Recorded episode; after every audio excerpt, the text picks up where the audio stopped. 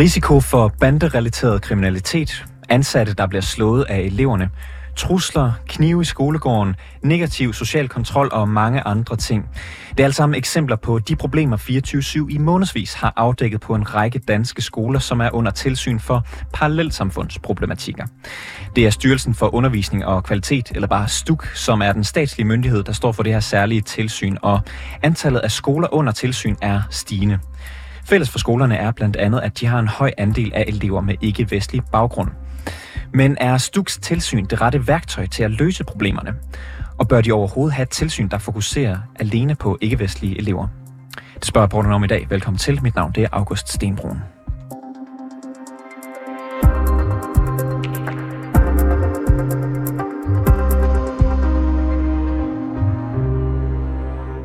Foreningen Skole og Forældre varetager skolebestyrelserne, forældrene og børnenes interesser. Og Regita Spænder Ishøj, du er næstformand i foreningen. Velkommen til programmet. Tak. Øh, vi har her i programmet afdækket forskellige problemer, der, er, der bliver ført til tilsyn med i Stuks parallelsamfundstilsyn. Problemer som elever, der er i risiko for banderelateret kriminalitet, negativ social kontrol i hjemmet og mellem eleverne på skolen, hundredvis af underretningerne til, underretninger til de sociale myndigheder og, og vold mod de ansatte. Er det jeres opfattelse, at tilsynet kan løse de her problemer? Jeg tror ikke, at øh, der er nogen, der forventer, at et tilsyn på den her måde kan stå alene. Øhm, når man laver en indsats som det her, så øh, skal der følge noget med. Og når STUK kommer ud og laver tilsyn, så følger der noget vejledning med til skolerne. Men i virkeligheden så øh, står skolerne jo stadig tilbage med en opgave, de skal løfte, og mangel på ressourcer til at løfte den opgave. Så du siger, at der skal følge noget med. Hvad ja. skal der følge med? Jamen, der skulle gerne følge nogle øh, kompetente medarbejdere, som har den rette uddannelse og den rette tid. Og øh, så skal der følge noget viden, som skolen kan bruge. Og viden, det får de jo igennem vejledning fra Stuk og fra den erfaring, de har. Men ressourcerne mangler. Øh, vi ser lige nu, at øh, rigtig mange kommuner sparer på skoleområdet, og det vil være noget som det her, der også vil blive sparet på. Så løsningen på, på de her problemer, er det simpelthen bare, hvis man smider penge efter dem? Det er jo ikke bare penge. Det handler om, at penge skal bruges rigtigt, og at øh, vi skal bruge dem der, hvor det giver mening at bruge dem. Så vi er nødt til at se på, hvad er det for nogle behov, skolerne har, og hvad de har brug for, for at kunne løfte den opgave, det er at give børnene en god skolegang, uanset etnicitet, bopæl, sociale udfordringer og hvad det ellers kan være, der spænder ben for dem. Du siger uanset etniciteter og andre ting. Er, er det forkert at have et specifikt øh, tilsyn, der holder øje med parallelsamfund, altså som retter sin opmærksomhed på børn med ikke-vestlig baggrund? Men det er jo en beslutning, der blev taget i forbindelse med ghetto-lovgivningen øh, for mange år siden.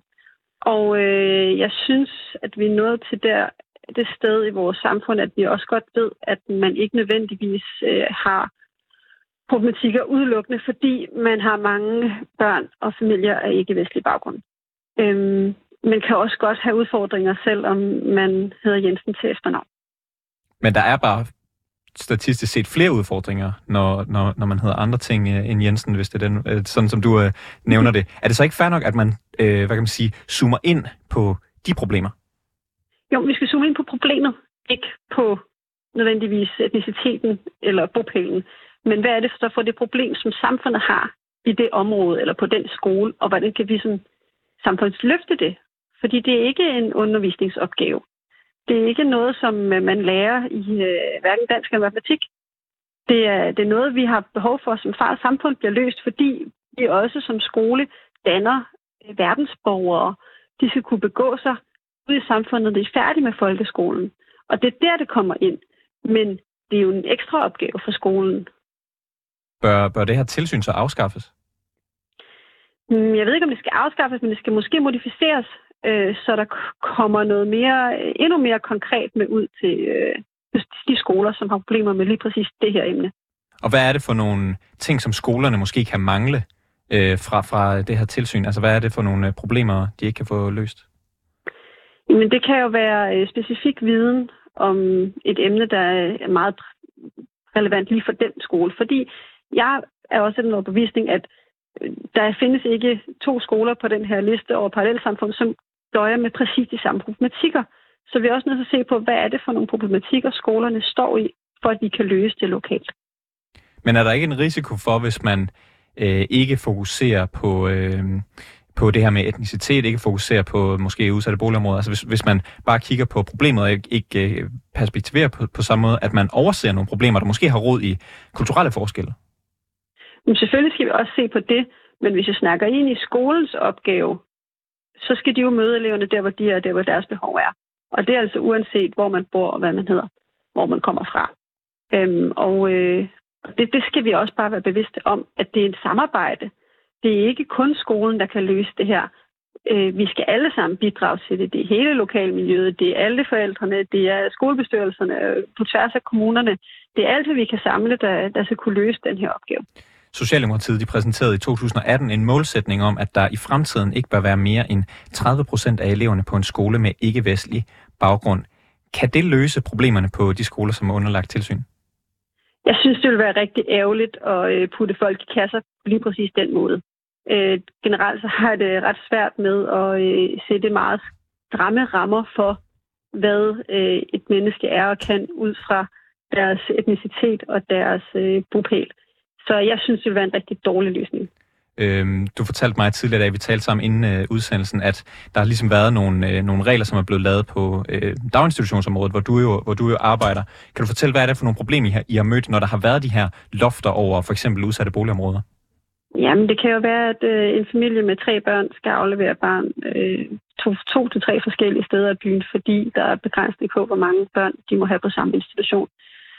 Så det er jo noget med, at personalet har brugt tid på at lave relation til en familie. Familien føler sig tryg ved en daginstitution, men så fordi der er den her regel, jamen så er de nødt til at starte forfra et nyt sted med deres næste barn. Tidligere, for, for et par måneder siden, der talte jeg med øh, udlænding- og integrationsminister fra Socialdemokratiet, Kort Dybvad Bæk, som sagde, at han var åben for måske at indføre et loft lignende det, der er på daginstitutioner på, på folkeskoler i, i Danmark. Øh, og det lyder ikke til, at du synes, det vil være en god idé, men er vi simpelthen ude i, at det kan skabe flere problemer, end det løser? Men jeg synes, ud fra et pædagogisk og menneskeligt synspunkt, så vil det være en rigtig dårlig løsning, fordi det netop skaber de her udfordringer for familierne med øh, trygheden og relationen og det her med at vide, hvad er det, vi kommer til.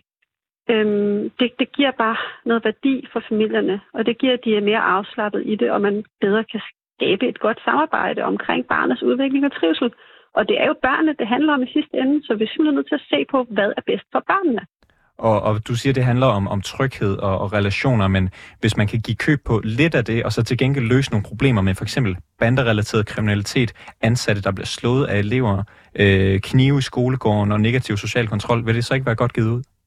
Jeg tror simpelthen på, at et øget forældresamarbejde og et, et godt øh, netværk og samarbejde med lokalområdet vil kunne løse de problemer, uden at vi skal sætte begrænsninger på, hvor mange børn, der må komme fra et specifikt etnicitet eller område.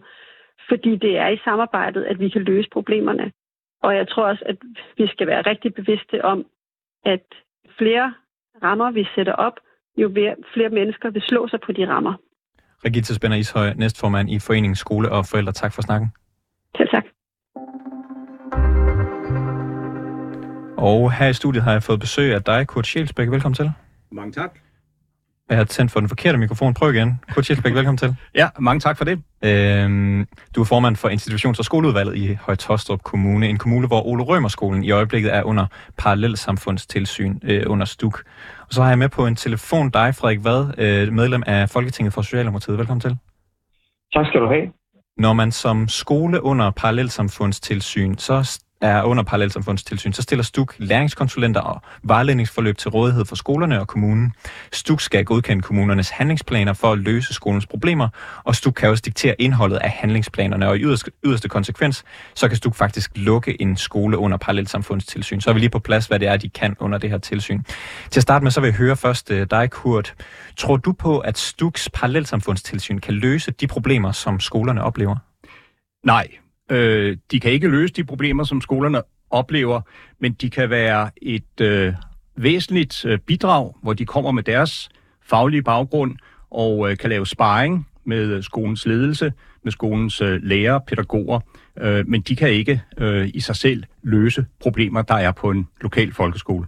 Frederik, hvad samme spørgsmål? Kan STUKs parallelsamfundstilsyn løse problemerne, som skolerne oplever?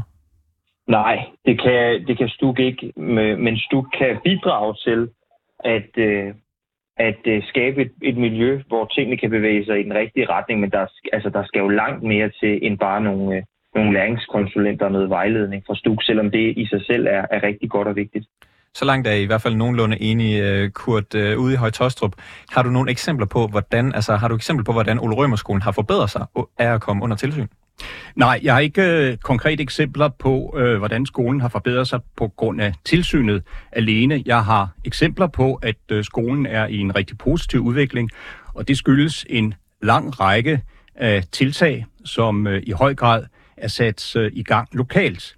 Altså jeg kan sige, i forhold til den gang, den kom under tilsyn i første omgang, det var på baggrund af pædagogisk personale, der følte, at øh, de blev stressede. Og der har man så siden dengang kunne øh, arbejde med forskellige ting. Blandt andet har vi tilført en øh, fremskudt øh, socialrådgiver, som er på skolen.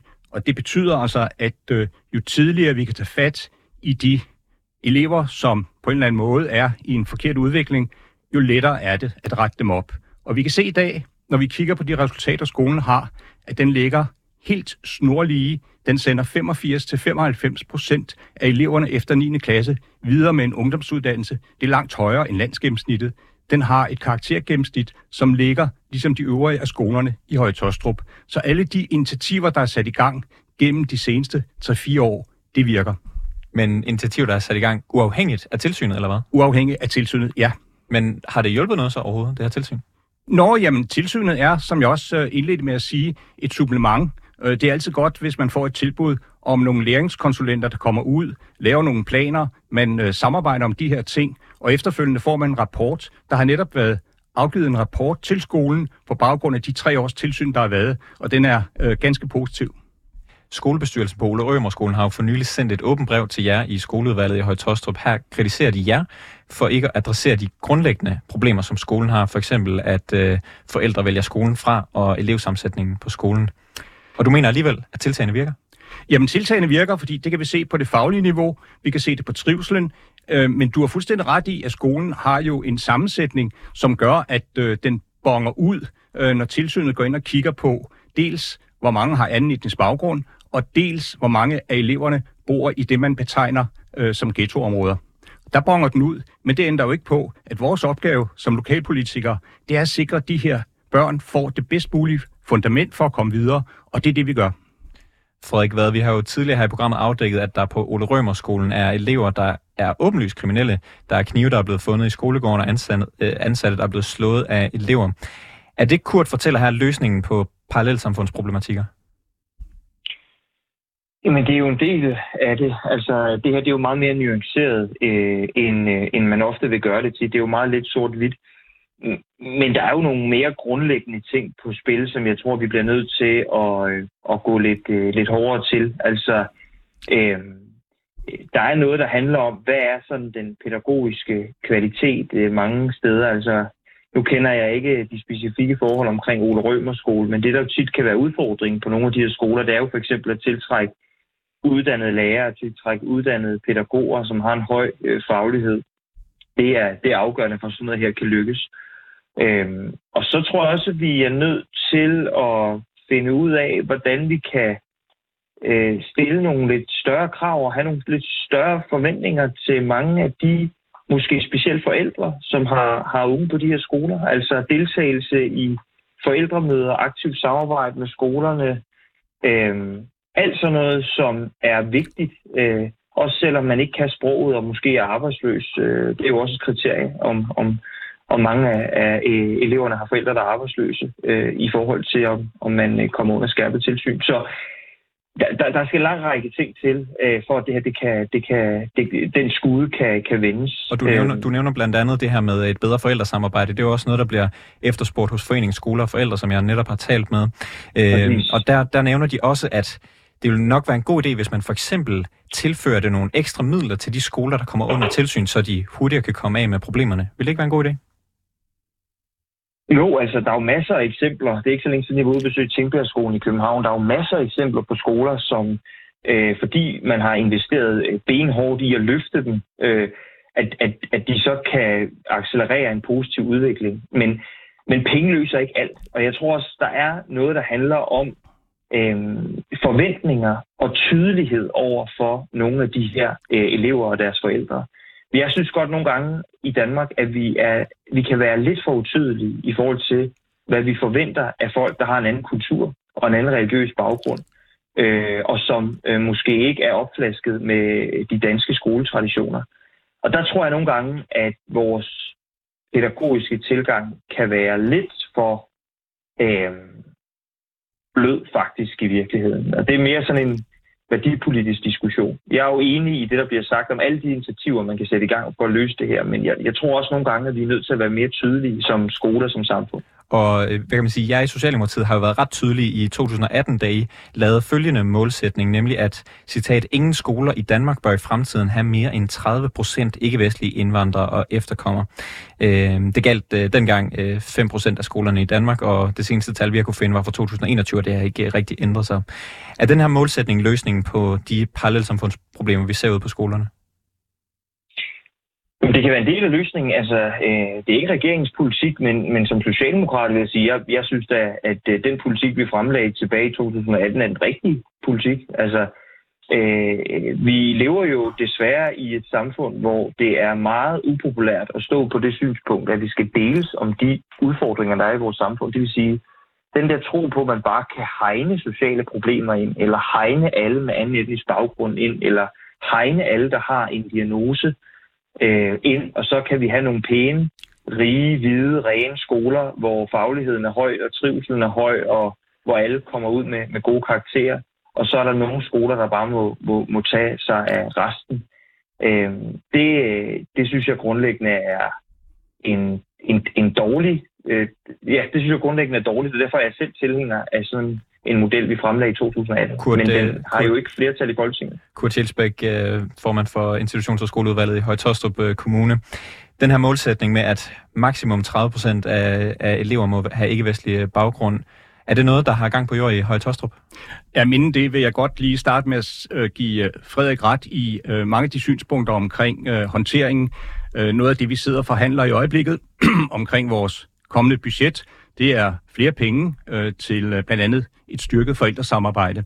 Og det er også noget af det, som vi har erfaret i det samarbejde, vi netop har, øh, for eksempel med Ole Rømerskolens øh, bestyrelse. Altså jeg holder øh, jævnligt øh, møder med formanden der, og øh, det gælder ikke kun den skole, det gælder alle otte skoler. Og så må jeg sige, at øh, vi har allerede, ikke kun øh, i de seneste tre år, har vi jo investeret ganske store midler øh, til de skoler, der har udfordringer. Og hvis vi netop tager Ole Rømerskolen, så har vi her 1. januar, det er en skole, der ligger på to matrikler. En gammel selvsmoseskole og den øh, gamle skole, som ligesom har øh, størsteparten af eleverne nu, øh, som hedder Gadehaveskolen oprindeligt. Men der har vi jo simpelthen øh, bygget en spritny skole til erstatning for den gamle selvsmoseskole. Øh, det har vi indvidet her 1. januar, og der har vi udover, at der går elever fra 0. til 6. klasse, så har vi placeret kommunens kulturskoler, musikskole, teaterskole, billedskole, og det betyder, at vi får elever øh, fra det omgivende samfund, hele Højtostrup Kommune, ind på den skole. Og så tilbage til spørgsmålet omkring de 30 procent. Når man er en kommune, vi har lige kunne se det her i forbindelse med august måned, hvor de nye 0. klasser møder ind, der har Højtostrup Kommune sådan groft sagt 50 procent elever med anden etnisk baggrund. Så øh, jeg vil invitere Frederik ud og se på, på forholdene hos os. Det har ingen gang på jorden at sige, der må kun være 30 procent elever med anden etnisk baggrund, fordi vi ligger altså på 50 procent elever med anden etnisk baggrund i Højtostrup Kommune i 0. klasserne. Og det betyder simpelthen, så skulle vi pusse eleverne ud af kommunen til Roskilde eller, eller andre steder. Frederik, hvad lyder det som en god idé at sætte øh, eleverne på en bus fra Høje Tostrup til Roskilde? Der vil være nogle steder i landet, hvor sådan 30% målsætning ikke øh, vil du, og det er jo nok også en af grundene til, at det ikke er en politik, vi har lige nu. Jeg siger bare personligt, så synes jeg, at øh, den grundlæggende indvandrings- og integrationspolitik, vi har ført, som har betydet, at problemerne eller ja, de sociale udfordringer er blevet koncentreret i bestemte dele af landet, det synes jeg grundlæggende har været en fejlslagen politik, og jeg er tilhænger af alle tiltag, man kan tage for at sørge for, at vi i vores velfærdssamfund deles mere om de opgaver, der er. Altså, jeg har været på Ole Rømers skolen en gang. Det er godt nok en, en 8-9 år siden, hvor jeg var derude med en, en frivillig forening. Og jeg husker godt de der skilte, der hang i nogle af klasselokalerne, hvor der stod, øh, vi taler dansk i timerne. Og det er jo fordi, at nogle steder så kan majoritetskulturen den kan være så, så svag, at det faktisk kan være svært at helt at finde ud af, hvad man skal integrere ind i, fordi koncentrationen af, hvad skal man sige, denne her minoritetskultur er så stærk. Og derfor så, så synes jeg, at det er en god ambition at have, at vi skal deles om at løfte opgaven, men jeg er klar over, at enkelte steder, så kan det skabe udfordringer. Lad mig lige spille et, et klip for jer, det er med udlænding og integrationsminister Kort Dybved Bæk, da han var med i vores program her i, i juni. Jeg spurgte ham, om det var en god idé at indføre en grænse for, hvor mange ikke-vestlige elever, der må være på en folkeskole i Danmark det er svært at lave øh, etniske grænser, fordi vi må ikke diskriminere folk på deres etnicitet, og det synes jeg også sådan set er et sundt princip. Hvad så med ud, udsatte boligområder? Jamen, det synes jeg også sagtens, man kan kigge på. Altså man kan sagtens kigge på, Frederik, hvad, om man skal lave et form for loft for elever fra udsatte boligområder. Det er, som, som Kort Dybvad Bæk siger, ikke muligt med, med etnicitet. Bør man, øh, bør man indføre sådan et loft? Jamen, det er, vel, det er, jeg, det er jeg personligt tilhænger af. Altså, nu er jeg ikke ordfører på, på det område for mit parti, men, men som et, et, et medlem af den parlamentariske forsamling på eget mandat, så vil jeg sige, at jeg synes, det vil være fornuftigt. Øh, det er der ingen tvivl om. Og hvad gør man så, hvis man har kommuner, hvor de fleste elever simpelthen, eller i hvert fald over 30 procent af eleverne bor på, øh, i udsatte boligområder? Hvordan skal Jamen, man så fordele det? Jo, men, men prøv at høre.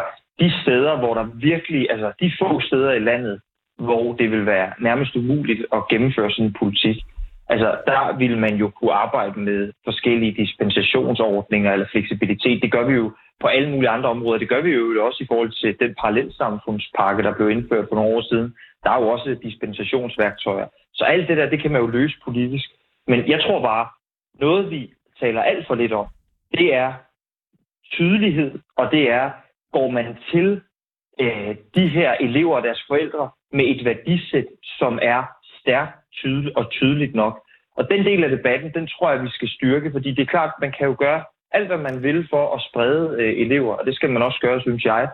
Men, men det er jo ligegyldigt, hvis man grundlæggende har en svag øh, øh, værdimæssig tilgang til Og hvad er det for en, hvad er det for en svag værdi, værdimæssig tilgang, vi har i dag? Nå, men altså, de, den sådan pædagogiske tradition, som har været meget moderne i, i mange år i, i Danmark, og og som vi bruger meget, det er jo, at vi, vi, jo, vi jo nogle gange er lidt konfliktsky. Altså, det er ikke alle steder, at øh, det er ikke på alle skoler, at der er stærke holdningsmennesker, som er ledere, eller stærke holdningsmennesker bag katheteret i, øh, i klasselokalet. Øh, vi har brug for, at flere tør stoppe op og tage diskussionen, når utrærede og magværdige synspunkter kommer fra eleverne. Øh, og vi har brug for tydeligere at fortælle forældrene om, at man har en forpligtelse til at samarbejde med skolen. Øh, og det er ikke øh, øh, Danmarks ansvar, at øh, man samarbejder med skolen om sit barns skolegang. Det er ens eget ansvar. Integration, det er ens eget ansvar. Integration påviler altid de mennesker, som er kommet hertil, øh, eller som er født her i den, i den næste generation. Øh, og det, det, det tror jeg, vi bliver nødt til at være lidt tydeligere omkring. Og hvis, og hvis vi lige vender tilbage til det her måske uh, mulige loft, der kan komme for mange fra udsatte boligområder, der kan, der kan uh, gå på en skole i Danmark. Rikita Spænder Ishøj fra Skole- og Forældreforeningen, øh, uh, hun fortæller, at den slags loft i nogle tilfælde betyder, at børn kan ende med at gå på skoler, hvor de ikke har noget netværk, de har ikke noget tilhørsforhold. Det kan måske splitte søskende flokke op, så forældre de skal holde styr på to skoler med alt, hvad der hører med. Der er forældremøder, aflabeskeder og, og forskellige regelsæt. Kan sådan en grænse ikke ende med at skabe flere problemer, end den løser? Spørger du mig? Ja, det gør jeg, Frederik Jamen, øh, de problemer, der måtte opstå, dem må vi jo prøve at håndtere politisk. Altså, der er eksempler på smarte skoledistrikter, som, øh, som, man kan, som man kan kigge på. Det tror jeg sagtens, man, øh, det tror jeg sagtens, man kan løse. Og jeg er klar over, at, at man risikerer et, et, et større frafald, hvis folk ender i nogle, nogle klasser, hvor de ikke har noget øh, netværk. Men jeg tror, vi bliver nødt til at være åbne over for at bruge alle værktøjer for at løse det her. Jeg er sådan set også åben over for, at man lader pengene, lader penge følge udfordringen. Det vil sige, groft sagt, øh, hvis ikke man kan få, hvis ikke man kunne få, få opbakning til at sprede elever, så håber jeg, at man kan få opbakning til, at de skoler, som ikke slås med de her sociale udfordringer, at de måske øh, siger øh, nej til en del af de penge, de får i dag, for at vi kan give flere penge til de skoler, som virkelig løfter et stort ansvar på vegne af os alle sammen. Kurt Schilsbæk, hvad siger du til sådan et loft over, hvor mange der må komme øh, til øh, være på en øh, dansk folkeskole med, fra sociale boligområder? Jamen altså, i vores tilfælde, der, der virker det et, ikke, og, og hvis det er 8-9 år siden, at øh, Frederik har været ude på Ole Rømerskolen, så vil jeg gerne invitere ham derud, øh, så kan han se, hvordan de to afdelinger i dag fungerer, så man ligesom får øh, sådan lidt mere øh, jorden og neglen og finder ud af, hvordan er det ude i virkeligheden. Det, der er min opgave som konservativ udvalgsformand, det er selvfølgelig at sikre, at de elever, vi har i folkeskolerne i Højtostrup Kommune, de får et tilstrækkeligt godt fagligt niveau. Og det er det, vi kan underbygge netop med, at øh, 85-95 procent af dem kommer videre i ungdomsuddannelse. Vi har ramt et gennemsnit ved 9. klasses afgangseksamen øh, på 7,5. Altså vi ligger resultatmæssigt fuldstændig som en gennemsnitlig dansk folkeskole. Og så er det rigtigt, så er børnene gennemgående lidt mørkere i huden på den skole. Og det kan vi ikke andet end håndtere ved at sige, der er måske forældre der, som ikke har de store ressourcer, og derfor sætter vi ekstra penge af til, at forældresamarbejde kan komme op og køre. Vi sætter ekstra penge af til fremskudte socialrådgivere, til pædagogisk personale, til to-lærer eller to-voksens øh, timer, og så en bøn i forhold til regering og folketing, det er selvfølgelig, kan vi så få en dispensation til, når vi vil udbygge de her skoler, øh, gøre dem endnu mere attraktive, således at elevernes faglige niveau, elevernes trivsel, at det stiger. Kan vi få en dispensation i forhold til anlægsloftet, så vi kan bruge nogle penge på det? Hvad siger du, Frederik? Kan de få en dispensation? Det kan jeg jo ikke sige noget om, men jeg vil bare lige sige, øh, det der bliver sagt her med at gøre det til et spørgsmål om hudfarve, altså det synes jeg er helt ude i skoven. Det her, det handler om kultur og religion, punktum. Og så vil jeg bare lige sige, altså der er, hvad er der, 1200 folkeskoler i Danmark. Altså jeg besøger folkeskoler hele tiden, så, så det der med, at man ikke er ude i virkeligheden, hvis man ikke har været på lige præcis Høje Tostrups Ole Rømerskolen, øh, det, det, den køber jeg sådan set ikke. Jeg, jeg synes, det er ærgerligt, at øh, at øh, vi igen nu smyrer udenom det, jeg sagde før omkring øh, tydelighed, også værdimæssigt. Altså, jeg har talt med flere skolelærer øh, i øh, kommuner i hovedstadsområdet på Vestegn, øh, som øh, jeg ikke synes har et øh, værdisæt, der er særlig øh, godt at møde elever med. Øh, blandt andet med Højtostrups anden viceborgmester i Centyrk har jeg haft diskussioner om ytringsfrihed.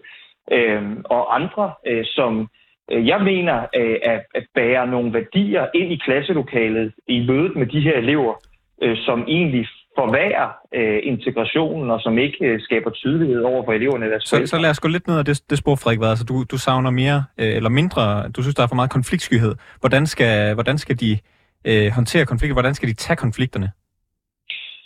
Jamen, de skoler, jeg har besøgt, både ungdomsuddannelser og, og grundskoler, hvor man er bedst til øh, og for eksempel at få forældre til at samarbejde med skolen, få dem til at acceptere øh, Pride-ugen, få dem til at acceptere ytringsfrihed, få dem til at acceptere, at der bliver serveret svinekød osv.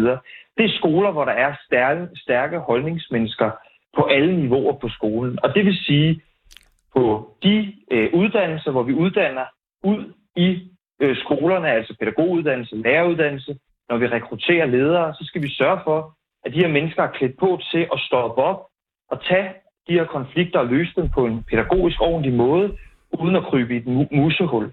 Altså, de skoler, hvor man har den type ledere, der synes jeg, at man kan se, at forældrene øh, meget hurtigere forstår, hvordan det egentlig fungerer. Som sagt, jeg var på Tænkbjerg skole så sent som i sidste uge, hvor der er sådan et stærkt holdningsmenneske, der leder de 130 Og, og, hvis, og hvis der så er en, en skole, hvor, hvor der er en forældregruppe, der, der ikke øh, kan lide, at hvis der er pride og måske heller ikke øh, møder op til, til forældremøderne, hvordan skal det så lyde? Altså, hvordan, hvordan skal man øh, tage konflikten? Jamen, jeg talte med en forælder på et tidspunkt, som sagde til mig, at øh, hun havde været sådan lidt farvet over at komme til et forældremøde i København, hvor en masse af, der var nogle forældre, der var mødt op, og de havde været her i 20, 30, 40 år, nogle af dem, og de kunne ikke et ord dansk, og de gjorde sig ikke umage med at lære det. De sad bare og nikkede hver gang lærerne sagde noget, men de forstod ikke en bjælle af, hvad der foregik. Der tror jeg bare, man er nødt til øh, at være tydelig omkring og sige til, til de her forældre, prøv at høre, det er altså vigtigt, at du lærer noget dansk, for ellers kan du ikke følge med i din barns skolegang.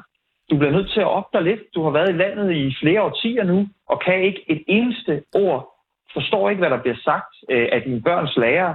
Det er et eksempel. Men det og... kunne også være, at man havde nogle temauger, nogle temadage, hvor man talte om religionsfrihed, ytringsfrihed, at man underviste i emner, der, der, øh, der fremkalder kontroversielle reaktioner som Mohammed-krise eller bestemte elementer i seksualundervisningen. Der, der er mange ting. Holocaust. Øh, sådan nogle øh, diskussioner taget Men, men det er jo en del af uddannelsesmålene, og det er jo præcis, hvad der sker ude på vores skoler på Vestegnen.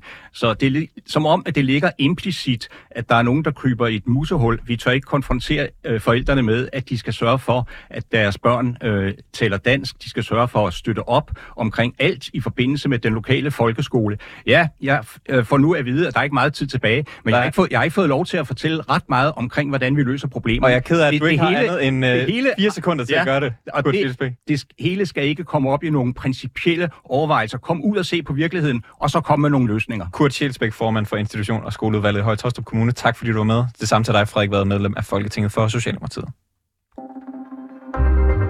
Det var alt for reporterne i denne omgang. Bag udsendelsen var Peter Marstal, den var produceret af Alexander Brøndum. Mille Ørsted er redaktør, og mit navn det er August Stenbrun.